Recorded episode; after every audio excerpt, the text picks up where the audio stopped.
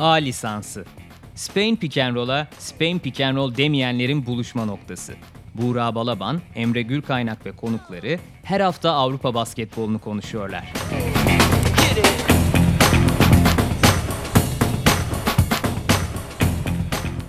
Merhabalar, Sokrates'in Euroleague Podcast'ı A lisansının yeni bölümüne hoş geldiniz. Yaklaşık bir aylık aranın ardından yeniden bu masaya döndüm. Sen de hoş Ee, geldin. hoş bulduk Emre'cim.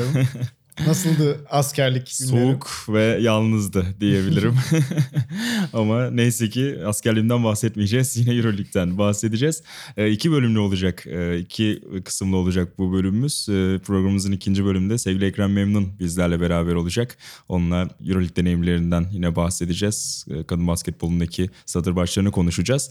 E, öncesinde ise biz biraz ufak bir transfer e, toparlaması yapmak istedik. Çünkü transfer dönemi biraz başladı diyelim ve biraz hararetlenmeye de aslında başladı piyasa. Elbette en çok konuşulan isimlerden biri de Malcolm Thomas, Fenerbahçe Beko birlikteliği. Geçtiğimiz yıl Himki'de izlemiştik Thomas'ı. Jordan Mickey ile beraber 5 numara rotasyonunu genelde paylaşmış. Sıklıkla da aslında ilk 5 başlayan tarafı olmuştu o ikilinin. Ee, sen nasıl bakıyorsun bu eklemeye? Sence yani yaraları kapatabilecek bir ekleme mi ya da artısı eksisine sence? Tabii onun bir de e, eklemenin çıkarma kısmı var. Tabii. E, Vladimir Stimats'la yollar ayrıldı. Zaten kısa bir kontrattı. Bekleniyordu.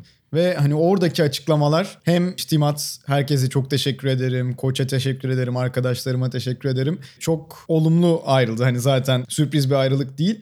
Ama takıma verdikleri de özellikle o Azvel deplasmanında verdiği enerji. Yani Fenerbahçe'nin şu an hanesine artı bir galibiyette Kesin. en büyük pay sahibi Vladimir Stimats. Yani ona belki şu an modern oyundaki etkili uzunlardan biri değil. Hani başarılı olmak için herkesin modern oyuna adapte olması da gerekmiyor. Maccabi'de mesela Tarık Black, e, Otello Hunter birlikte oynuyorlar. Tabii ki de aynı tip e, oyuncular değil ama yani Stimas kariyerinin de en iyi noktasında olmadan geldiği Doğru. Fenerbahçe'de önemli katkı yaptı. Yani onu profesyonelliğinden dolayı öncelikle tebrik etmek lazım. Beklentiyi Ee, aştı hakikaten. Aynen beklentiyi aştı diyebiliriz. Ee, Malcolm Thomas aslında şöyle bakmak lazım. Fenerbahçe'de bir şeylerin olumlu devam edeceğinin sinyali. Nasıl bir oyuncu olacağından öte. Hani Jake Obradovic tartışılıyor, konuşuluyor, büyük destek görüyor. Ee, ben geçen hafta işte bir Vardar Demirmen'in jübilesine gittim. Ee, öncesinde de Fenerbahçe Bandırma maçı vardı. Onu izleme fırsatı buldum. Oradan zaten 5 oyuncu erkek takımdan o jübile maçına geldiler. Gerardini geldi, Cenk Rende oradaydı, Jake Obradovic Ali Koç'la beraber izledi. Ve Semih Özsoy da o jübilede yaptığı açıklamada biz Koç'la zaten imzayı gönüle attık şeklinde bir açıklama yaptı. Bu zaten birlikteliği gösteriyor. Herkes bir açıklama bekliyordu. O açıklama geldi. Ki Üstüne- öncesindeki 48 saat de biraz acabalarla geçti. Özellikle Aynen koçun öyle. Zenit mağlubiyetinden sonra yaptığı açıklamalarla beraber. O mesaj önemliydi bahsettiğim. Yani o mesaj verildi. Üstüne bir de transfer yapıldı. Her şeyden önce saha dışı için olumlu hamle olduğunu söyleyebiliriz Malcolm Thomas'ın. Çin'den geliyor olması bir soru işareti ama hani kim ki de oynadığı zaman Anthony Gill'le pot altında güzel bir ritmi vardı. Atletik bir oyuncu. Belki öyle çok sert savunma yapan, çok sağlam durabilen bir oyuncu olmasa bile atletizmi katacağını düşünüyorum ben. Ne kadar hazır gelecek o bir soru işareti. Bir de sisteme nasıl uyum sağlayacak ama en azından daha önce Euroleague oynamış olması olumlu noktalardan biri Malcolm Thomas için. Evet yani savunma tarafından ziyade bence hücumda hani birinci en azından alışana kadar daha ciddi artısını bence hücumda yapacaktır Malcolm Thomas. Evet yani mükemmel bir üçlükçü değil ama en azından %30'ların üzerindeydi geçtiğimiz yıl yüzdesi yayın gerisinden. O anlamda hafiften alan da açabilecek bir oyuncu. İkili oyunlarda devrilebilecek bir oyuncu ki Sulukas ve Dekolo'nun bu tür uzunları ne kadar sevdiğini biliyoruz. Bu yıl aslında hani Veseli'nin sakatlığından ötürü o konuda da çok aradığını bulamadı elindeki Loven rotasyonda. mesela orayı karşılamadı. çok çok ciddi problemdi bahsettiğin gibi. E, o yüzden o tarafta bence direkt hani eğer fiziksel olarak problemi yoksa Malcolm Thompson doğrudan etki yapacaktır e, oynadığı ilk maçlarla beraber. Savunma tarafında biraz daha hani doğrudan bir yama gibi onu görmek çok doğru değil bence. Onu söylemek lazım. Yani Biraz Eric Williams gibi görmek Belki olabilir de, belki. belki. de. Williams'a göre biraz daha odaklandığını görebiliriz. Hani atletik birkaç bloğuyla heyecanlandırabilir insanları. Ama hani Veseli'nin yaptığı etki gibi ya da birkaç sezon önce Yudo'nun yaptığı etki gibi bir şey de beklememek lazım. Onun da altını çizelim. Ki bu alanda biraz problem yaşıyor hakikaten çember savunmasında Fenerbahçe. Ama Lovern kadar da ya da Williams kadar da kötü olmayacağını düşünebiliriz. Bir de kısa eklemesi bekleniyor Fenerbahçe'de. İşte Nunnally James Nunnally ismi geçiyor söylediğin gibi. Bu, bugün Tyron Wallace'ın ismi geçti. Geçen yıl Clippers'ta fena geçirmemişti Tyron Wallace. Ama onun da biraz şut zaafı var. Daha iyi bir savunmacı ama şut problemi var. Bu tür isimler geçiyor. Aslında çok konuşuluyordu yani. Veseli özellikle denklemden çıkınca bir uzun eklemesi bir de kısa savunmacısı. Çünkü hakikaten Sulukas, De Colo, Melih, Bobby Dixon gibi rotasyondan bahsettiğimizde ben bir tane bile çok iyi Westerman. savunmacı yok. Westerman'ı biraz sayıyoruz ama o da çok fazla faul yapıyor. Çok hani fazla uzun sürelerde parkede kalamadı. E, Bu denklemde hani bir kısa savunmacısı hiç fena olmaz gibi görünüyor. Hani Nunnally'nin tabii biraz tanıdık olması, aşina olması, kulübe daha çabuk sürede uyum Yani hem sağlayabilecek aşina olması. hem de bütün arkadaşları duruyor diyebiliriz Evet. takım arkadaşları. Yani o direkt e, uyum sürecini geçip atlayıp gelecek. Yani en e, olumlu alternatif de Nanalı gibi gözüküyor bence kağıt üzerinde. Kağıt üzerinde öyle. Hala tabii Çin'deki kulübüyle alakalı ufak tefek problemler olduğu söyleniyor. O yüzden netleşmedi. Bu belki suya da düşebilir tabii. Onun da bilgisini verelim. Gerçi bu konularda biraz şanssızız. Ne konuştuysak e, suya düşüyor yani kayıt sırasında belli olmayıp ondan sonra açıklanan transferler oldu. Burada sakatlık Doğru. durumları hani De Colo oynar dedik e, oynamayacağı açıklandı. Kaydı yaparken daha James Nunnally Fenerbahçe oyuncusu değil resmen. Ondan sonra düşelim. İsmi geçen aslında iyi kısa savunmacılarından bir tanesi. Fenerbahçeli de anılan geçen hafta Aaron Jackson'dı ama o rotayı İsrail'e kırdı ve Maccabi'ye eklendi. Yılın zaten en iyi savunma takımıydı Maccabi. Bir de Aaron Jackson geldi. Tabii senin düştüğün şerhi bir kez daha analım. Yani 3 yıl önceki Aaron Jackson gibi mi bilmiyoruz. Yani Çin o konuda hakikaten oyuncuları değiştirebilen bir coğrafya. O yüzden ne kadar hazır gelecek bilmiyoruz ama iyi odaklanarak gelirse ki yaptığı açıklamalarda şunu söylüyor. Final Four'u kazanmak için en ciddi şansı Maccabi'de olacağını düşünüyordum. O yüzden burayı seçtim diyor. Biraz iştahlı geliyor gibi Aaron Jackson. İyi de bir Twitter kullanıcısıdır. Onu da görmek güzel olacak yine Twitter'da. Evet Aaron Jackson'ı görebiliriz belki bu hafta. Efes'te oynayacak Maccabi. Deplasmanda e, belki ona bir şans geldiğini görebiliriz. Çok büyük alternatif bana kalırsa. Yani Will Becky'nin yanında oynatın. Savunmaya biraz daha odaklansın. O olmadığı zamanlarda bir sorumluluk üstlenebilir. Kısa, uzunları oynatabilir. İyi bir delici. İyi bir delici. Bence Aaron Jackson hani şu ara dönem transferlerinin en iyisi oldu. Tabii o da bir zorunluluktan geldi. Evet, çok Ee, fazla sakatlıkla uğraşıyor Maccabi bu ara. John Di Bartolomeo yani temeldeki sakatlık. Üstüne çıkan isimler e, belki sen kaçırmış olabilirsin askerde. Ama Alex Perez deniyordu. Tyler Ennis'e bir şans verebilir Maccabi deniyordu ve Bursa'da oynayan Chris Jones'un ismi geçmişti. Üçünden de daha iyi, daha net bir transfer oldu bir kere Aaron Jackson. Hani o açıdan Maccabi taraftarı bence sevinmiştir. Ve son haftalarda çok acayip maçlar oynuyorlar. O Panathinaikos maçı özellikle Acayip. ee, gerilerden gelip o Menora Mivtaç'ı arenada herkesle bütünleşip galibiyet almaları yine Sferopoulos'un biraz daha duygusallaşması. Yeni kontratla o, ki o-. Aynen yeni kontrat basın toplantısını görmüşsündür. Yani duygulu artık ağlayacak gibi neredeyse. Maccabi için her şey olumlu gidiyor. Bence Aaron Jackson'da yani bir tik daha atalım yani. Çok bence adım attılar artık Final Four için. Kesinlikle öyle. Bahsettiğin havuzda da hakikaten yani oyuncu yapısı olarak çok daha uygun, çok daha iyi parça gibi. Çünkü John Di Bartolomeo'yu özel kılan hani müthiş bir hücumcu olduğu değildi ama o bahsettiğin işte Will Beck'in olsun, Dorsey olsun, Elijah Bryant olsun onların o yer yer serseri mayına dönüşebilecek e, atış tercihlerini biraz daha dengeleyici bir güçlü Di Bartolomeo. Karen Jackson'ı da böyle kullanabilirsiniz aslında. Her topu atmak isteyen bir oyuncu olmadığı için. Söylediğin gibi hakikaten Maccabi çok güçlü geliyor. Hali hazırda da dördüncü sıradalar ve Sinan Erdem de Efes'le oynayacaklar. Oradan bir galibiyet çıkarırlarsa zirve ortağı dahi olabilirler. Ya ben birkaç hafta önce e, şey diye düşünüyordum. Efes CSK'yı da geçecek. Zaten hani Clyburn yok Efes çok iyi. Bir yenilgi çıkarsa Maccabi'den çıkar gibi düşünüyordum. Bir CSK sürpriz oldu.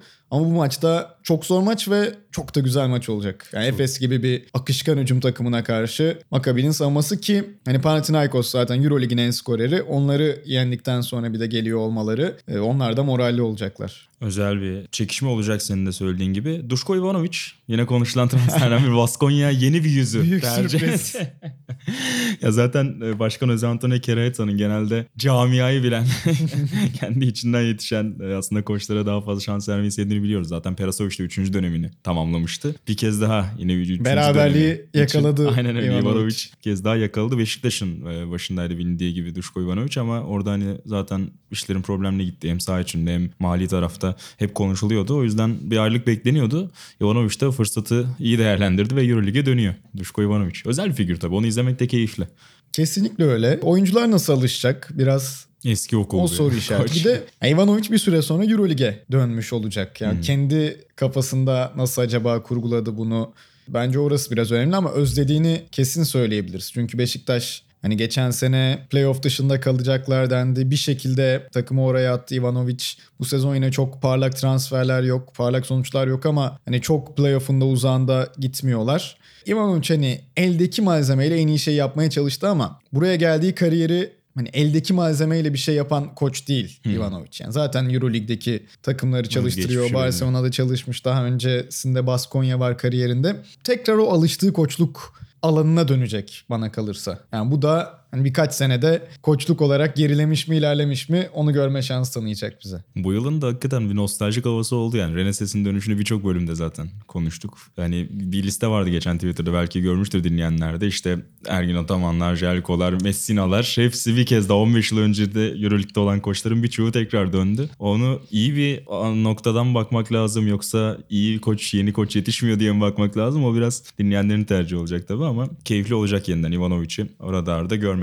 Evet yavaş yavaş e, birkaç not daha var transfer tamamlanan. Onları da anıp e, bu bölümü kapatabiliriz. Ekran memnun olan sohbetimize geçebiliriz. Kevin Panther, Olympiakos'un dağınık kısa rotasyonunun çok da dikkat çekmeyen parçalarından biriydi. Kızıl Yıldız'a gitti. İşte maçın ayrılığından bahsettin. Onun için Kızıl Yıldız iddiaları var. Henüz netleşmedi ama bir iki gün içerisinde o da resmiyet kazanabilir ki Euroleague takımları arasındaki transfer dönemi bitiyor. Dışarıdan oyuncu alabilecek e, Euroleague takımları ama Euroleague bir diğer Euroleague takımından oyuncu almak istiyorlarsa eğer biz bu kaydı yaparken bu 24 saat içerisinde tamamlamaları gerekiyor. O yüzden o anlamda bir hareketlilik de bekleyebiliriz bu bölümde. Bir de Kiefer Sykes birkaç yıl önce TVL'de izlediğimiz Ankara DSİ formasıyla. Maçını anlatmıştım Kiefer Sykes'ın. salonda izlemeyi anlatma imkanı bulduğum bir isim Sykes. Euroleague'e geliyor. O da Milano ile e, Euroleague'e dönüyor. Şöyle ilginç bir not var. Gelişim ligindeyken Spurs'un e, gelişim ligi takımı Austin Spurs'ta oynamıştı. Messina'nın oradan bir belki konta, oradan bir hafızası olabilir. İzletmiştir hemen. İzletmiş olabilir. Geçtiğimiz yılı Avellino'da ve Basketbol Şampiyonlar Ligi'nde geçirdi. Yaklaşık 14 sayı ortalaması vardı. Bu yılın ilk iki ay içindeydi o da. Bakalım Sykes de henüz 25 yaşında aslında. Onun için de önemli bir sıçrama tahtası olacak. Yani acayip bir skorer. Onu söylemeye gerek yok. Hani şey de değil yani TBL'de 40 atıyor. E, İtalya Ligi'ne gidiyor. Orada da, çok Orada da atıyordu yani Kiefer Sykes. Yani doğal skorerlerden biri. Messina'nın eline geçmek büyük bir fırsat onun için. Benzer bir transferi şeyde hatırlıyorum. David Blatt Daçka'ya geldiğinde Mike Cleric sanıyorum Cleveland'ın e, hmm. gelişim takımındaydı. O herhalde oradaki bağlantıya bile gerek yok aslında. Kendisi de izlemiştir. Muhakkak. Yani Mike Clary bir şekilde ilgili bir koç David Blatt ki ekran memnunla da konuşacağız muhtemelen. Şöyle diyeyim bence o açıdan tutabilir yani Spurs'un takımından geliyor. Shelby Mack çok değer kaybetti bir türlü bekleneni veremedi. Kiefer Sykes Euroleague'de birkaç maç kazandırabilir. Rolünü üstlenirse senin bahsettiğin gibi bir üst seviyeye çıkabilir. E, o açıdan bence umutsuz değil yani. yani ikincilikte oynayan adamı getirdi Milano gibi düşünülmesin bence Kiefer Sykes. Panther için biraz daha bence rolünü bulması lazım. Çünkü son bir aydır belki gölgede kalmış olabilir. Dinleyicilerimizden de çok Kızıl Yıldız maçı izlemekten keyif e, alanlar az sayıda olabilir ama yani Lorenzo Brown son ayı çok iyi geçiriyor. 34 atıp evet. önceki haftadan geliyor. Yani hem sağ önceki haftada değil kazanılan maçlarda işte Milano deplasmanında çok iyi oynadı. Her yere katkı verdi. Takımı toparladı, taşıyor. Panther'ın onun yanında bence rolünü alması Anca Kızıl Yıldız da onu başarıya götürecektir diyorum. Brown'un top hacmini çok düşürmese fena olmaz sanki Kızıl Yıldız. Kesin hem Kızıl Yıldız için hem izleyenler için daha iyi olur. Kapanış dedikodusu olarak da Ceska Howard Sunrose flörtünü verelim. O da yine netleşmeyen şeylerden biri ama hani işte Dutchkar'ı da izledik. Oyun yapısı olarak evet Clyburn seviyesi demeyelim ama hani kattığı o hareket, geçiş hücumlarındaki etkinliği, savunmadaki çabasıyla hani yakın bir profil olabilecek en azından. Küçük de olsa bir yama olabilir. Tabii netleşmedi henüz. Bir kez daha altını çizelim Kübalı ama olursa da Aynen onu hep özel kılar. ee, yani muhtemelen geldiği gibi bütün şunu yapan ilk Kübalı oyuncu gibi rekorların hepsini o alacak. Kırdığında adını bulan rekorlara adını yazdıracak Sarnos senin de söylediğin gibi. Var mı atladığımız bir konu yoksa o transfer özel yani, bölümünü? Herhalde yok. E, maçları da Efes Maccabi söylemiş olduk. Ceska Milano'yu da sayalım. E, Valencia'yı ağırlayacak. Aynen öyle. Cuma akşamı oynanacak o maç. E, Perşembe akşamı çok iyi bir menü var hakikaten. Hem Maccabi Efes hem Ceska Milano. Plan yapmayın diye Perşembe akşamına. Ve yavaş yavaş bu bölümü kapatalım. Kalan e, kısımda sevgili Ekrem Memnun konuğumuz olacak. Bir kez daha hatırlatalım. O keyifli sohbeti de dinlemeden geçmeyin.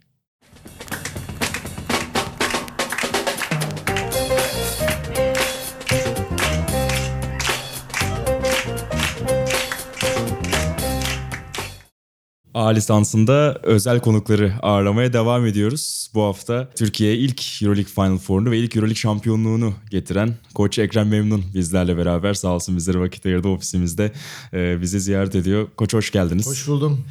İlkler elbette her zaman önemli. Özellikle 2014 insanların aklında da biraz daha hafızasında taze olduğu için tabii ki birçok farklı hatıra insanlar sahip belki ama biz açılışı biraz daha 90'larla ve o 99'daki Final Four yapmak istiyoruz. Çünkü aslında tırnak içerisinde biraz gaz ve toz bulutu diyebiliriz herhalde kadın basketbolunun 80'ler ve 90'larda Türkiye'deki hali için. Nasıl başladığıyla alalım isterseniz ve sonrasında o 99'da Final Four'a insanların aklında dahi olmayan o başarıya giden yol nasıl şekillendi? Şimdi esasında o büyük bir projeydi. 1989'da yani daha öncesinde adımları atılmıştı, hayali kurulmuştu. Faruk Süren Galatasaray kadın basketbol takımını basketbol şubesini devraldıktan sonra o sıralarda ben oyuncuydum. Ama bir basketbola bir ilgi, bir yatırım, bir takım kuruldu. Kadın basketboluna ciddi bir giriş oldu. Ama 99'da Faruk Süren Amerikalı bir koç getirdi Betsy Vale. Bence onun hepsinin başlangıcı orası oldu. 89 değil mi hocam? Özür dilerim 89 özür dilerim. 89'da Betsy Bailey geldi. Her şeyin başlangıcı orası oldu diye düşünüyorum. Çünkü ben o basketbolu bırakmıştım o zaman. Ne yapacağımı da düşünüyordum. Kulüpten bana şey dediler. O günkü yöneticimiz Ata abi ya Ekrem dedi Amerikalı koç geliyor. Seni onun yanına asistan koyalım dedi. Ben çok şanslıydım o takım ilk kurulma yani Final Four'a kadar giden takım ilk kurulduğunda başladığında o hamle asistan koç olarak onun içindeydim ilk senemdi koçluktaki. Hem koçlukla ilgili fikirlerim gelişsin hem İngilizcem ilerlesin. 20 yaşında nereye gideceğini bilmeyen bir çocuktum. Betsy'nin Türk kadın basketboluna inanılmaz katkısı olduğunu düşünüyorum. Yani o gün için hiçbir şey olmayan bir yerde hiçbir şey yanlış kelime. Yani tabii ki bir çok kıymetli insanlar vardı ama belki hani hamle açısından bir bakış farklılığı getirmesi, çalışma metotları, profesyonel nasıl oynanıyor, Amerikan kadın basketbolunu Betsy kendisi de Maryland Üniversitesi'nin çok önemli oyuncularındandı. Lakabı da Wild Betsy'ydi. Betsy'nin yaklaşımıyla bu kültürü Galatasaray kültürüyle birleştirip yeni bir yapı nasıl kurulur? İlk adımları atıldı. İşte kondisyonun önemi. Benim eşim o takımda o zaman ondan sonra oynadı. Çok koşma, koşma, kondisyon, kondisyon, kondisyon. Eşim şey diyor. Evde hala konuşuruz arada. Betsy'nin meşhur bir Jack Ramsey diye drili vardı.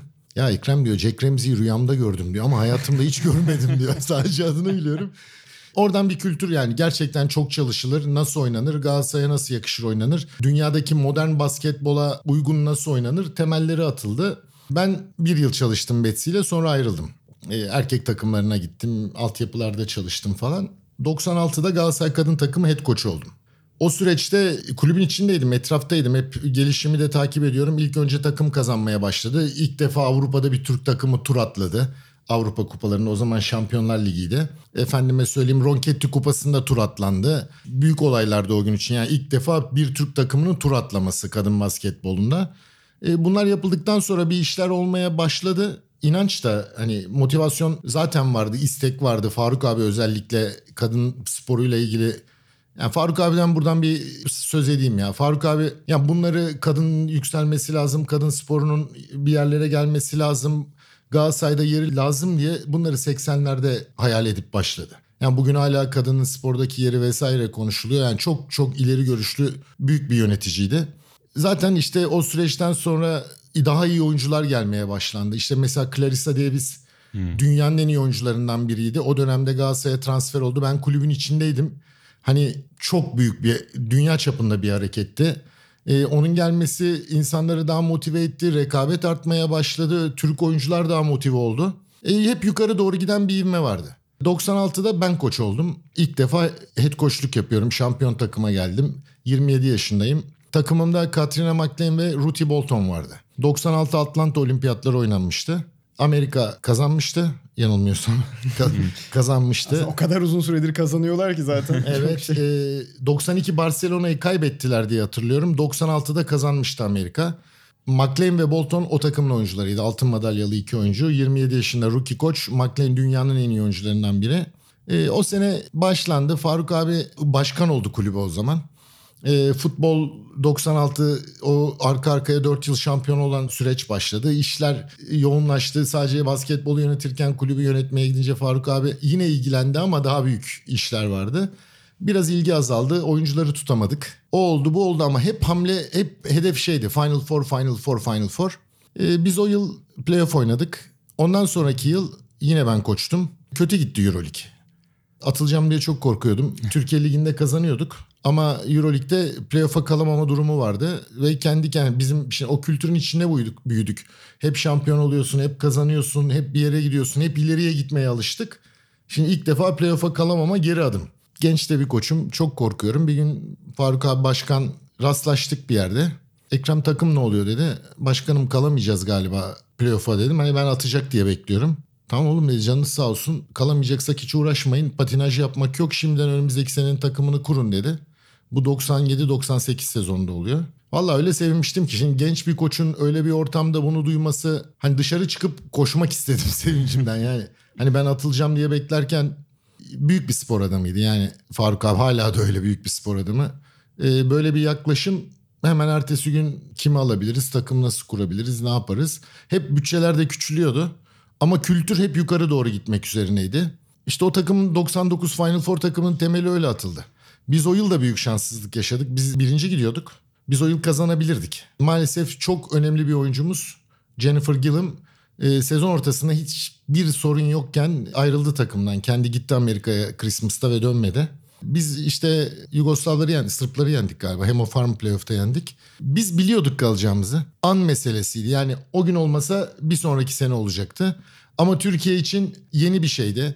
Hatta çok eleştiri gelirdi bize. Ya kardeşim hep şampiyon oluyorsunuz Euroleague ama bir şey yapamıyorsunuz. Türkiye'nin hiç Avrupa kupası yok. Ya Ronketti'ye katılın da Ronketti'yi kazanın. Bir kupa gelsin. Mesela bize çok böyle eleştiri geldi o zaman. Ama kulüp Faruk abi özellikle hiçbir zaman böyle bir şey dinlenmedi. Bizim bir tek hayalimiz vardı bu Euroleague kupasını kazanmaktı o zaman da. E, ama işte 25 sene sonra Ya da ve 15 yılın sonrasına. öyle oldu. Kısmet öyleymiş.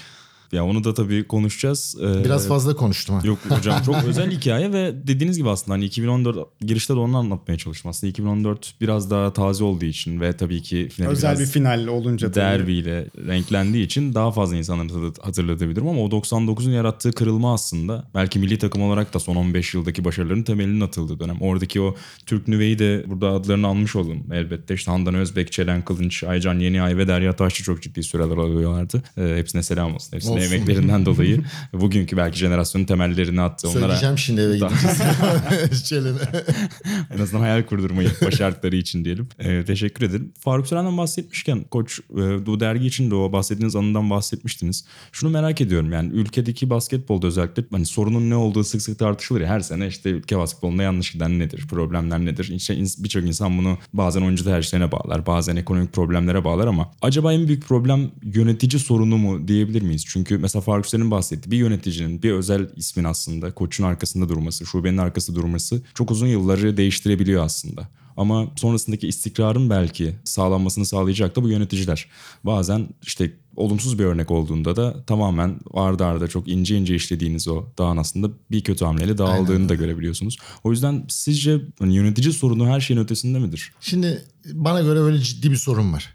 Ve günden güne de büyüdüğünü düşünüyorum. Yani bunu söylemek şimdi politik olarak ne kadar doğru bilmiyorum ama benim gördüğüm günden güne de iyiye gitmiyor. Şimdi yöneticilik de çok zor iş. Onu da anlıyorum ve saygı da duyuyorum.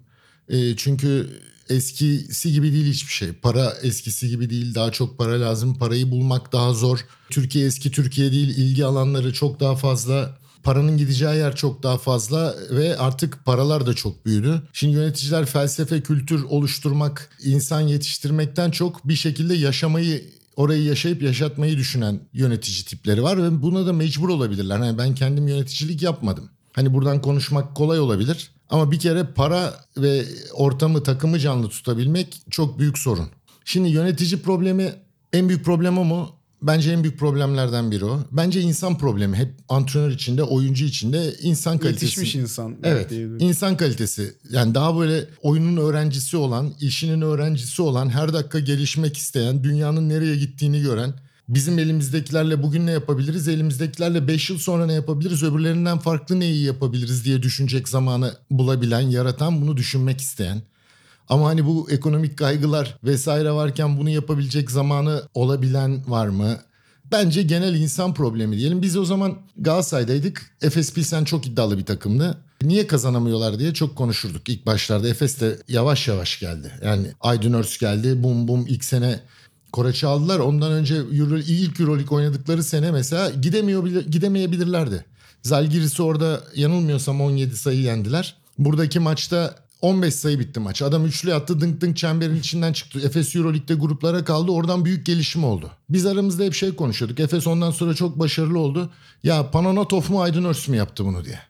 Yani biz Efes'te değiliz Galatasaray'dayız ama biz hep başarılı olmak istiyoruz. Başarılı yerlere bakıp bizim işte kulübün içindeki genç antrenör arkadaşlar başarılı örneklere bakıp hani biz ne yapabiliriz, nasıl geliştirebiliriz. Yıllarca hep Efes örnek oldu herkese, lokomotif oldu. Bizim tartışma konumuz Pananotov mu Aydın Örs mü bunun altındaki insan. Bence ikisi beraberdi. İkisi birbirini buldu. İkisi birbirlerine en zor zamanlarında büyük ihtimalle destek oldu. Aydın abi bir gün anlatırsa Pano abi. Ama bunların en başında tabii Tuncay Bey vardı. Yani yönetici başında duran bir kültür oturtmak, yaratmak isteyen, o kültürün arkasından gitmek isteyen, önüne çıkan ilk speed bump'ta yolları değiştirmek istemeyen, yarın kalkıp yeni bir gün bugün kötü oldu ama yarın üstüne kuracağız. En önemli şey kültür. Her şey olabilir ama kültüre zarar gelmemesi lazım ortamın kültürüne diye düşünen insan sayısı günden güne azalıyor diye düşünüyorum. Biraz sonuçlara odaklanmaya daha fazla başlıyor belki insanlar. Belki sizin dediğiniz gibi yaşatmaya çalışıyorlar şu anda bir şeyleri. İşte diyorum hani ben kendim yöneticilik yapmadım. Yani yönetici koçluk yaptım ama o parayı bulan, ortamı yaşatan zor grubun içerisine görev almadım. Yani şimdi buradan oturup eleştiri yapmak söyleyecek bin tane şeyim var. Ama şimdi buraya biri gelse yaşadığı zorlukları anlatsa kolay değil işler. Ama zaten hiç güzel, hiç bir güzel şey kolay olmadı. Emek vererek, zorluklarla mücadele ederek oldu. Yani benim gördüğüm genel bir insanla ilgili daha yetişmiş, daha kaliteli, her şey, her konuda daha kaliteli, daha içi dolu, daha iyi insanlara ihtiyaç var diye düşünüyorum. Bu biraz hani sadece basketbol değil aslında genel ülkenin ya da birçok şeyin de belki Yani hani ben basketbol bizim şey. hayatımız olduğu için e, sen ne yaparsan ya benim gördüğüm şu. Sen ne yaparsan yap en önemli şey en önemli şey kültür. Yani o bulunduğun kurumun kültürü, o kültürü yaratmak, oturtmak. Şimdi bunlar herkes konuşuyor klişe, kültür, şu liderlik ve e, tamam kardeşim ama bunlar gerçek. Bu kurumun kültürü mutlaka olması lazım. O kültür öyle bir kültür yaratılması lazım ki insanlar onun içerisinde birbirlerine destek olmayı bilmesi lazım. Birbirinin arkasında durabilmeyi lazım. Hata yapmaktan korkmuyor olabilmesi lazım. Biri hata yapınca o grubun içindeki insanların önünde utanacak duruma düşmeyeceğini bilmesi lazım. E bunlar böyle kolay işler değil. Bunlar gerçek insani kaliteler. E bunları bir arada tutacak e, liderlere ihtiyaç var. Kolay işler değil ama hani biz Euroleague kazandık 99'da. Evet bir hayal 2014'te özür dilerim. Bir hayalde ama 25 yıl önce kuruldu. 25 yıl neler yaşandı yani takım küme düştü öbür yönetim geldi bütçe küçüldü gençlerle oynandı o çıktı bu çıktı ne olursa olsun ama o fikir hep oradaydı. O fikir hep oradaydı. Yani o fikrin peşinden gidildi. En zayıf takımımızla en paranın olmadığı gün oynarken bile genç takımla Türkiye 1. Liginde oynadım. Ben öyle bir takım da çalıştırdım. Olimpiyat altın madalyalı oyuncuların oynadığı takım da çalıştırdım. Tamamen hiç yabancımızın olmadığı kulübün bir bütçesi yoktu. 7 tane genç takımın kadrosunda olan o yıl genç takımda oynayan 7 oyuncunun kadroda olduğu birincilikte oynadık 5. olduk. O kültür hep oradaydı. Yani nasıl beraber oynanır, nasıl kavga edilir, nasıl barışılır, nasıl toplantı yapılır, maç nasıl oynanır, oyuncu nasıl gelişir, fedakarlık nasıl yapılır, nasıl olur, nasıl olur ama o kültür yaptı. Ama onun arkasında durdular. Hani bu benim öbürünün oradaki insanın tabii ki önemi var. Ama o yüz küsür yıllık gelen oraya oturan o kültürün de onun peşinden giden insanların hiç bugün hatırlamadığımız belki adını bile anmadığımız malzemecinin bile payı var. Yani böyle büyük işler bana göre böyle oluyor. Yani en iyi takımı topladım hadi oynayalım bugün kazanalım. Eğer kazanırsın bugün belki. Zor da. hani o bile zor. Zor, çok zor. Yarın ne olacak? Yani benim gördüğüm o kültür kadın basketbolunda hep geldi, geldi, geldi. Biz ben kendi açımdan işte kulüpte çalıştım. Sonra milli takımda çalıştım. Ayrıldım şimdi. Yarın ben yapar mıyım, yapmaz mıyım bilmiyorum. Koçluk yapmak istiyorum ama hani bir ortam olur mu bilmiyorum.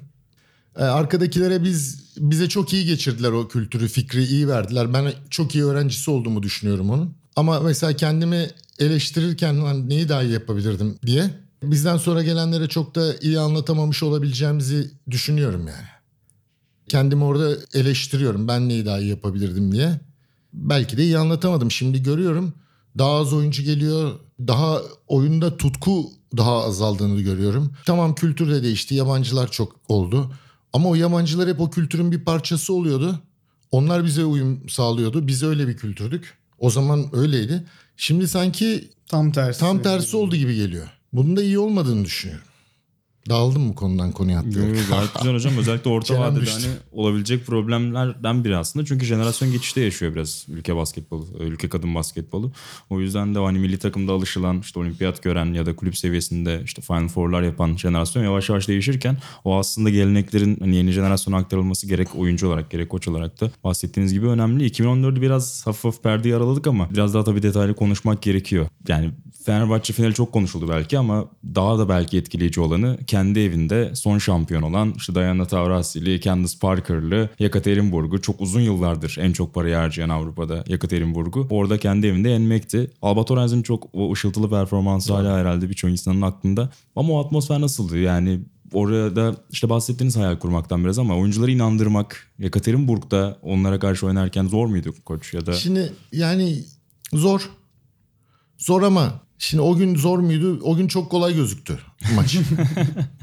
ama hep geçmişi var her şeyin. Yani biz mesela o takım önceden kuruldu, planlar yapıldı. Biz bambaşka bir önceki sene kazanmayı planlıyorduk biz.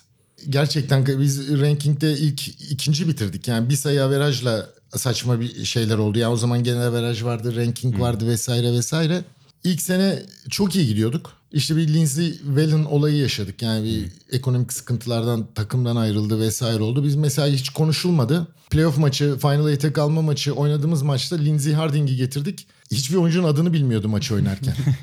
Gerçekten bir gün önce gelmişti. İnsanların ismini bilmiyor ve maçı kazan son- İstanbul'da son saniye basketiyle kazandık Prag takımına karşı. E, son basketi o attı.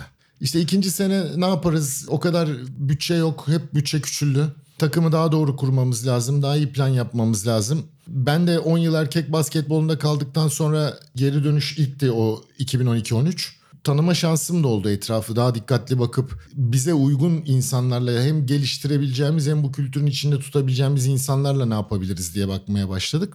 Daha önceki senelerde 6-7 yabancı oynarken biz o yıl sadece ligde de 4 yabancı oynatabiliyorduk. 4 yabancımız vardı. Bir kere takımı çok iyi planladığımızı düşünüyorum. Ee, Şebnem Kimyacıoğlu, Işıl, Nevriye, Bahar yani çok iyi bir takımımız vardı bizim. Ama esas takımı taşıyan Türk oyunculardı. Biz yine o kültürün içine geldi. Biz hep öyle gittik. 99'da da öyleydi, öbüründe de öyleydi. Hep öyleydi. Yani Türk oyuncular Amerikalıları onların içinde melt ediyorduk biz. Yani onları bizim kültüre çekiyorduk. Ya Amerikalı derken yabancı oyuncuları. Şimdi bu takımda da Türk oyuncular çok önemliydi. Büyük görevi yaptılar. Bazen saha içerisinde, bazen senin soyunma odasında oynayacak oyuncuya da ihtiyacın var. Yani basketbol sadece kortun içinde oynanmıyor. Hiçbir iş öyle olmuyor. Soyunma odasında, masör odasında da oynayacak oyuncuya ihtiyaç var. Hiç oynamayıp işte bu ben oyuncularıma da öyle örnek veriyorum. Bu senfoni orkestralarında triangle var. Üçgen ding diye vurursun. Bunun maestrosu var. Adam bütün senfoni nota sayıyor. Ölçü sayıyor, vurmuyor, vurmuyor ama senfoninin bir yerine ding diye bir vuruyor. Müthiş bir ses o senfoniyi o senfoni haline getiriyor. Şimdi takımda da öyle insanlar var ki hiçbir sorumluluğu olmamış, büyük iş yapmamış gibi gözüküyor. Esasında en büyük işi onlar yaptı. Yani Şebnem Kimyacıoğlu final maçında 36 dakika sahaya girmedi. Sonra döndürdü. Sonra girip. Sonra Euroleague şampiyonu yapan iki basketi attı. Ama 36 dakika bench'teydi ama 36 dakika oynuyordu esasında. Yani tamamen kültürle oldu. Yani insanlar plana inandı. Sezon başından sonuna kadar çok çalışıldı. Her şeyde lay lay lom güzel olmadı. Bir sürü sorun yaşandı. Kötü gün oldu. Kavga çıktı. Barışıldı. İnsanlar birbirini itti. Yaptık beğenmedik. Daha iyisini yapmaya çalıştık. 40 sayıyla kazandık. 50 sayıyla maç kazandık o sene. Ondan sonra beğenmedik. Yarın bunu daha iyi yapalım, daha iyi yapalım ama inandı insanlar. E sonunda oraya geldiğimizde bana göre biz çok iyi bir takımdık. Yani şimdi Sancho Lidl. Fenerbahçe'de çok büyük takım. Yani Ekaterinburg'da öyle, Fener'de öyle. O, o zamanki e, oyuncu havuzu çok iyi. kadın basketbolu Çok da ilgi gören bir zamanıydı. Evet, O şeyden evet. dolayı belki. yani muhteşemdi. Yani Ekaterinburg takımını düşünün. Fenerbahçe'yi düşünün. Finale namalüp geldi. Hani bir daha öyle bir takım kurulabilir mi? Gerçekten zor bir takım. Yani ikisi içinde. Fener içinde, Ekaterinburg içinde, bizim için, Galatasaray içinde. Şimdi oraya geldiğimizde hazırlıklar yapıldı. O turnuvanın içerisinde böyle majör değişiklik yapacak zaman yok. Tabii. Anlık küçük adjustment'larla hayat devam edecek. Biz zaten e, bütün hazırlıklarımızı yapmıştık. İyi de basketbol oynuyorduk. Gerçekten iyi de basketbol oynuyorduk. Şimdi benim takımım da iyi takım derken Kelsey Von rookie'ydi. Yani senior senesini oynamadan NCAA'de junior senesinde çıkıp gelmişti. Yani normalde bir yaş daha küçüktü. Junior senesini bitirip Avrupa'da oynuyor. Bizim için büyük riskti. Ama Kelsey Von'un sene içerisinde çok ilerleyeceğini görüyorduk. Yani çok Mart ay- bir önceki sene Mart ayında almıştık Kelsey Von'u. Daha junior senesini oynarken almıştık. Kelsey Von gerçekten bizi yanıltmadı ilerledi. Oyununu hep yukarı götürdü. Alba Torrens FIBA iki kere yılın oyuncusu. Sancho Liddell FIBA yılın oyuncusu bir kere. Hani bizde de iki tane çok büyük Daha oyuncu. garanti transferler onlar. Kelsey Bona kıyasla. Yani, yani çok çok büyük oyuncular bunlar. Zelus Türkiye Ligi'nde oynamış. Biz hani daha büyük paramız da yoktu. Zelus'a çok inanıyorduk. Potansiyelini görüyorduk ve mü- müthiş iş yaptı. Özel bir bizim, skor katkısı verdi. bizim çok sağlam Türk oyuncu kadromuz vardı. Şimdi biz grupta Fenerbahçe ile oynadık. Aynı gruptaydık. Bir sayıyla son saniye basketiyle kaybettik. Grup ikincisi çıktık. Çapraz'da Ekaterinburg var. Hani herkes bizi tebrik ediyor ama işte Ekaterinburg'la oynayacaksın yani nereye kadar kardeşim falan. Kolay da değil. Kendi seyircisi önünde Candice Parker, Diana Taurasi şu anda aklıma gelmeyen bir sürü bir sürü oyuncu. Gruda da vardı galiba. Ya işte Gruda yani kim mi istiyorsan vardı esasında orada. Biz şöyle konuştuk. Yani ben oyunculara bir zaten oynadığımız bir oyun vardı. Bir maç planımız vardı. Oyuncular inandılar. Maçın içerisinde 3 farklı yerde 27 sayı öne geçtik biz. 3 farklı zaman 20 yani top en büyük diferans 27 sayıydı ama 3 farklı yerde oldu. Arka arkaya değil yani. 5 dakika önce oldu, sonra bir daha oldu, sonra bir daha oldu. İnanç olduğunu düşünüyorum. Yani Ekaterinburg özgüvenini kaybettiğini düşünüyorum. Yani biz o kadar iyi bir takım. Ekaterinburg'dan 30 sayı bir takım değiliz. Onlar öyle kendi Parker maçın içinde 3 kere bana pas verdi. o da öyle değil ama tamamen bir inançla oldu. Yani biz bu kültürdeyiz, buna alıştık. Biz zaten hep öyle oynuyoruz. Paylaşıyoruz. Öyle de oldu yani. Sonra Fener maçı o bambaşka. Yani Fenerbahçe'nin de müthiş bir takım vardı. Angel, Kepi Pondexter. Bibriska, Matovic, Veremeyenka, Hollingsworth, Nevin Nevlin, Birsel, Meral yani Kimi ararsan ve o Fenerbahçe o final maçına kadar Euroleague'de namalüptü. Önceki hani biraz arka plan vermek adına da önceki 8 yılında Türkiye'de şampiyonuydu aslında. Yani Galatasaray için Evet. Avrupa şampiyonluğunun yanında bir yandan o hegemonyayı kırmak da önemliydi. Ama sadece lige odaklanmayıp bir yandan Ha, inanın bunların hiçbiri düşünülmedi o anda. Yani ben size söyleyeyim. O anda bir tek yani bir sadece o kazanılması kazanılması gereken bir maç vardı. Öyle düşünüldü. Yani biz onu yıkacağız. Yani rakip o gün Fenerbahçe olması hani Türk sporu için iki Türk takımının bir Avrupa kupasında final oynaması çok güzel bir şey. Hani bence Türk kadın basketbolunun hakkıydı da o. O kadar yatırım yapıldı, emek verildi yıllarca. Hani o açıdan çok güzel bir şey. Ama öbür taraftan da kardeşim karşısında Los Angeles Lakers gelse o gün o kupayı almak istiyorsun.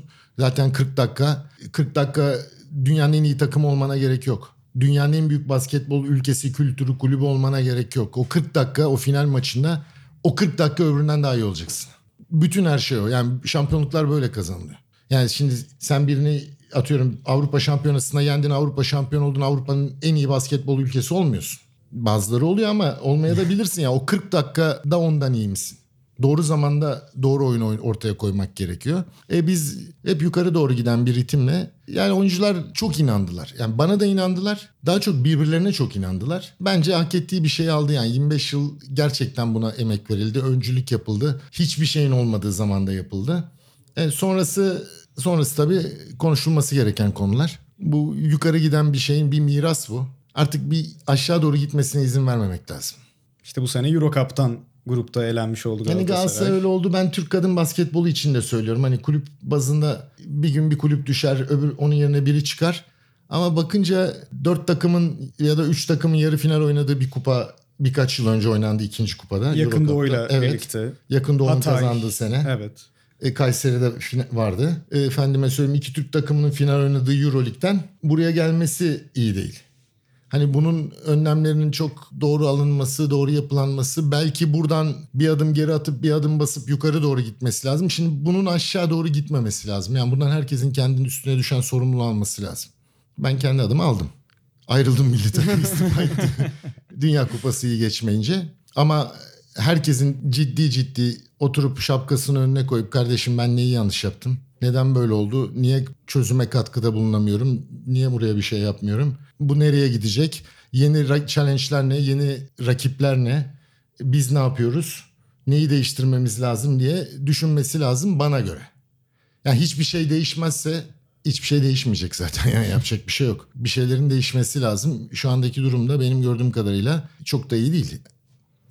Valla iki özel sezonu hocam derin derin uzun uzun konuştuk. Hani yavaş yavaş sürenin sonuna gelirken biraz az önce bahsettiğiniz 10 yıllık aslında erkek basketboluna geçirdiğiniz bir dönem de var. Onlarla ilgili biraz böyle hızlı hızlı belki birer cümlelik e, şeyler birkaç tane Aslında, sormak istiyorum size. Ee, Ama Emre ben bir araya gireyim. Hocam hep hani kültürden bahsettiniz. Ee, Efes'ten hani Galatasaray olarak biz modellemeye çalıştık. Efes neden kazanamıyor diye düşündük her şey. Bir gecede olmadı dediniz. Yine hani o ilk engelde yan yol aramayan bir yapısı vardı Efes'in ve hata yapma özgürlüğünü de sağlıyor dediniz ama biraz sanki çok da aslında karışık bir sezon ama e, güncel Euroleague'le de alakalı David Blatt sezonu Efes'in. Siz de orayı anlatırken hani hiçbir zaman çok can ciğer kuzu sarması olmadık Blatt'le ama çok saygı duydum. Hep çalışırdı, çok fazla video izlerdi Doğru. diye anlatıyorsunuz. Sanki o hata payı çok David Blatt'e dışarıdan bakınca verilmedi gibi geliyor bana. Onunla çalışmak nasıldı? O sezon nasıldı? Bir Belgrad olayı var Kosova'dan dolayı. E, o karmaşayı biraz aslında anlatabilir misiniz? Şimdi ben asistan koçtum orada. David bütün süreç zor bir süreçti bana göre ama bu.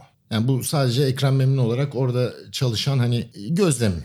David Rus milli takımın antrenörüydü. David mesela hazırlık sürecinde hiç o bizimle beraber olmadı. David başka bir asistan koç getirmeyi planlıyordu. Son dakikada getiremedi. Ben Rus milli takımın kampına Engin Özerhun yollamıştı. Git seyret bir aksilik olursa bu adam hani bir şeyler anlamaya çalışan hiçbir iletişim yoktu. Yani Rus milli takımın kampında birkaç not tutup Geri dön. Ay geri döndüm adam birini getirecekti. Ge- Yani olmadı ne olduğunu da bilmiyorum tam. E, bütün hazırlık bana kaldı. Şimdi benim çok az tanıdığım bir adamın oyunlarını, felsefesini, kültürünü bütün yaz 6-7 yeni oyuncu geldi. O tutmak adamın kendisi de yok. Burada hani ben yapabildiğim kadar yapmaya çalıştım ama onun açısından büyük handikaptı. Yani biz şimdi Oktay Mahmuti ondan önce Oktay'la Oktay da head coach. Ta işte en eski Efes'ten gelen bir kültürden bambaşka bir kültüre geçiş oldu. Daha rahat biraz E belki. David Blatt'ın yaklaşımları farklı. Bizim gibi düşünmüyor. Yani biz şimdi acayip physical, kora kora oynanan her pozisyonun önemi olan 50-60 fiziksel temassız bir şeyin kimseye bize bir kontak yapmadan bir şey vermediğimiz bir kültürden daha böyle fines basketbolun oynanan başka bir oyun anlayışına geç, geçiyoruz. Yani bu böyle ol deyince olmuyor. Oyuncular değişti ama eski kültürden oyuncular var, ilişkiler var, tarz değişti. David çok çalıştı. Ben çok şey öğrendim David Blatt'tan. Ama zamanı olmadığını düşünüyorum. Yani David zaten çok konsantre olamadı yani Rus milli takımından Bir dolayı. de şampiyon gelip Şampiyon oldu ama David ondan dolayı şımaracak bir adam değil. Yani çok düzgün kaliteli yani çok kaliteli bir insan. Çalışkan da bir insan. Zorluk yaşa yani orada büyük zorluk yaşan. Tabii yönetim neden dolayı böyle yaptı hani bu değil radikal bir değişiklik olduğunu bilmeyecek insanlar değiller. Ama hani gidişattan dolayı neden böyle bir şeye karar verdiler bilemiyorum. Hani bizimle biz asistan koçuz paylaşan da olmadı. Ama hani zor bir dönemde. E, Efes Pilsen için bir kültürdür. E, Sonunda benim gördüğüm hep kendi içinden gelen insanlarla başarılı oluyor Efes. Oktay'la kazandı, Ergin'le kazandı, Ergin'le bir daha kazandı. Şimdi çok iyi gidiyor. Hani Efes'in bir yapısı var, onun da bir kültürü var. O kültürü değiştirmek kolay olmuyor. Bu insanlar o kültürü bilen insanlarla mükemmel işler yapıldı. David de bence radikal bir karardı. Hani böyle bir hadsizlik de yapmak istemiyorum. Ama çok uç bir karardı. Yani bir oyundan bambaşka bir oyuna sıradan geçti. bir yabancı koç getirmek gibi değil diyorsunuz. Değil yani. David'in şimdi yaklaşımları var. Transition, Princeton bambaşka bir oyundu. Burada yerleşmiş köklü bir kültür. E, Adaptasyon sıkıntılı oldu yani. Burada koç geçtiğimiz bölümde Ermal Kuço'yu da ağırladık. Emre'nin az önce bahsettiği o Belgrad deplasmanını uzun uzun aslında biraz Evet. hayıflanarak konuştu. Ben bazı şeyleri daha iyi yönetebilirdik cümlesi vardı mesela. Siz o an hatırladığınız bir replik, Var, bir bir aranızda sürü sohbet. şey var. Yani ben o günü iyi hatırlıyorum. Yani e, şimdi burada olmayan insanlar hakkında da konuşmak istemiyorum. Ama o Belgrad sadece bir şeydi. Ne diyelim müşir diyelim göstergeydi. Ya onun altında yatan bir sürü şey vardı. Onu bir takım başka durumlardan kullanmak isteyenler oldu. Çünkü kulüp, ülke bu oyunculara her türlü garantiyi verdi. Yani ben oradaydım, şahidim. Yani kardeşim yani devlet başkanı koruması alacaksınız. Yani Türkiye Cumhuriyeti devleti veriyor. Sırbistan devleti veriyor. Yani bu çok ciddi bir olay. Biz oraya gittik. İşte burada en çok sıkıntı yaşayacak insanlardan biri Ermal'in söylemesi normal. Ermal Kuço'ydu. Arnavutluk Arnavut. kökenleri. Ama hani Kuço geldi çünkü hepimiz aynı durumdaydık. Bunlar konuşuldu. Ama bu arkadaşlar e, geleceğiz deyip bütün garantiler gösterilmesine verilmesine rağmen ertesi gün gözük gelmediler. Şimdi bunun bedelini de ödediler. Benim şahsi görüşüm daha ağır bedel ödenmesi lazımdı. O gün ben sorulduğunda fikrimi beyan da etmiştim. Bu çok kıymetli bir kulüp. Avrupa basketbolunda, dünya basketbolunda yeri olan bir kültür Anadolu Efes. Yani Türk basketbolunda bir sürü insanda emeği var. Oyunun kendisinde de emeği var. Bu kulübe bunu dört tane ne bileyim kariyeri kulüple ölçüşemeyecek insanın yapamayacağı bir hareket yaptılar. Yapmaması gereken bir hareket yaptılar. E, bedel ödendi ama kulüp de ödedi. Takım da sıkıntı yaşadı. Altında başka şeyler olduğunu düşünüyorum. Sadece o anda e, Belgrad'a gidersek bir şey olur. Kardeşim olmayacak işte Amerikalılar da geldi. Olmadı zaten kimseye bir şey olmayacaktı da. Ama bunu böyle kullanmak isteyenler oldu. Başka sorunların göstergesiydi o. Zaten bedeli de ödendi. Yani o gün pat diye orada bir şey olmadı. Çok geçmişi var, Birikmiş bir antrenmanlar şey var. var, maçlar var, bir sürü bir sürü bir şey vardı yani. Ama bir sezonu yakan harekettir. Yazık yani David'e, kulübe yazık. Ben hepimizin emeği var. Herkes uğraşıyordu, herkesin emeği var ama kulübün de çok emeği vardı. Yani kulübe büyük terbiyesizlik yapıldığını düşünüyorum. Basketbola büyük terbiyesizlik yapıldığını düşünüyorum. Sonrasında o sezonun sonuna kadar sizin biletin ayrılığından sonra baş antrenör olarak geçirin. O enkaz çok zor muydu koç? Yani e, ondan sonra zaten Yeni yabancılar oldu. Tabii Şöyle David yani yapacak bir şey kalmadı. Yani transfer zamanı yok, kararlar verildi. Denize düşen yılana sarıldı. Bence hiç FSP kültürüne uygun olmayan oyuncular geldi. Ama o artık böyle bir yangın süreciydi. Ee, benim zaten benim koç olduğumda hani ben koç oldum koç olarak takım başında durdum ama hani bir koçluk denebilir mi buna onu da bilmiyorum. Çünkü zaten ligin bitmesine 3 hafta vardı.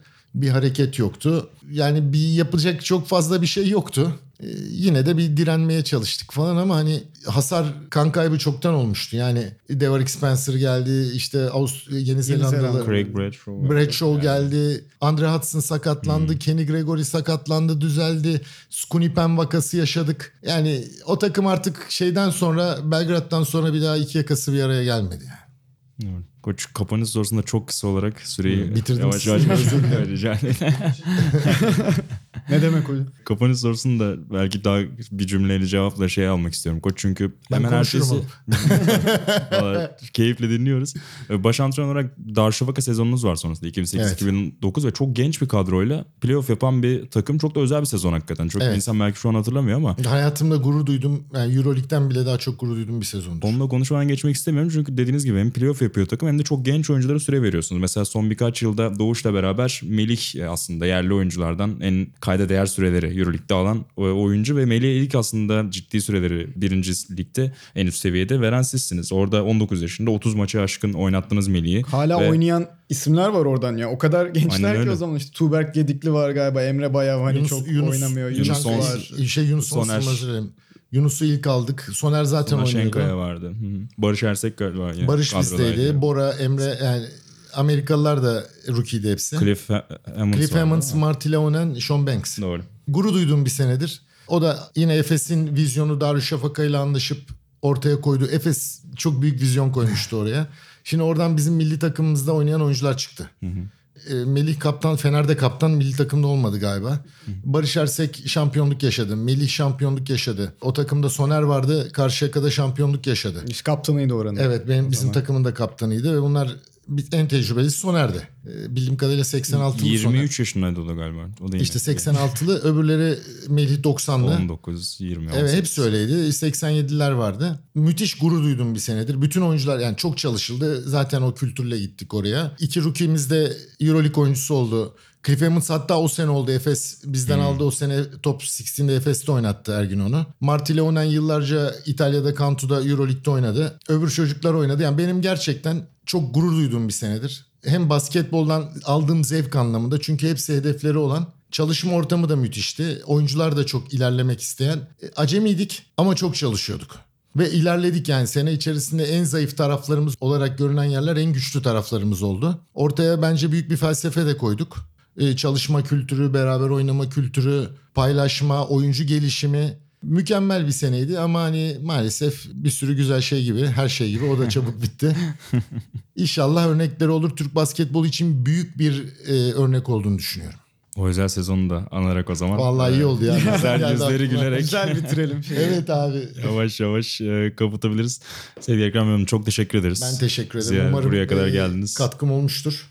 Ne demek? Ya biz keyif aldık zaten burada dinlerken. Dinleyenler de keyif aldıysa iyidir. Umarız öyle olur. A lisansının bu haftaki bölümünden bu Yalnız kadar. benim lisansım da.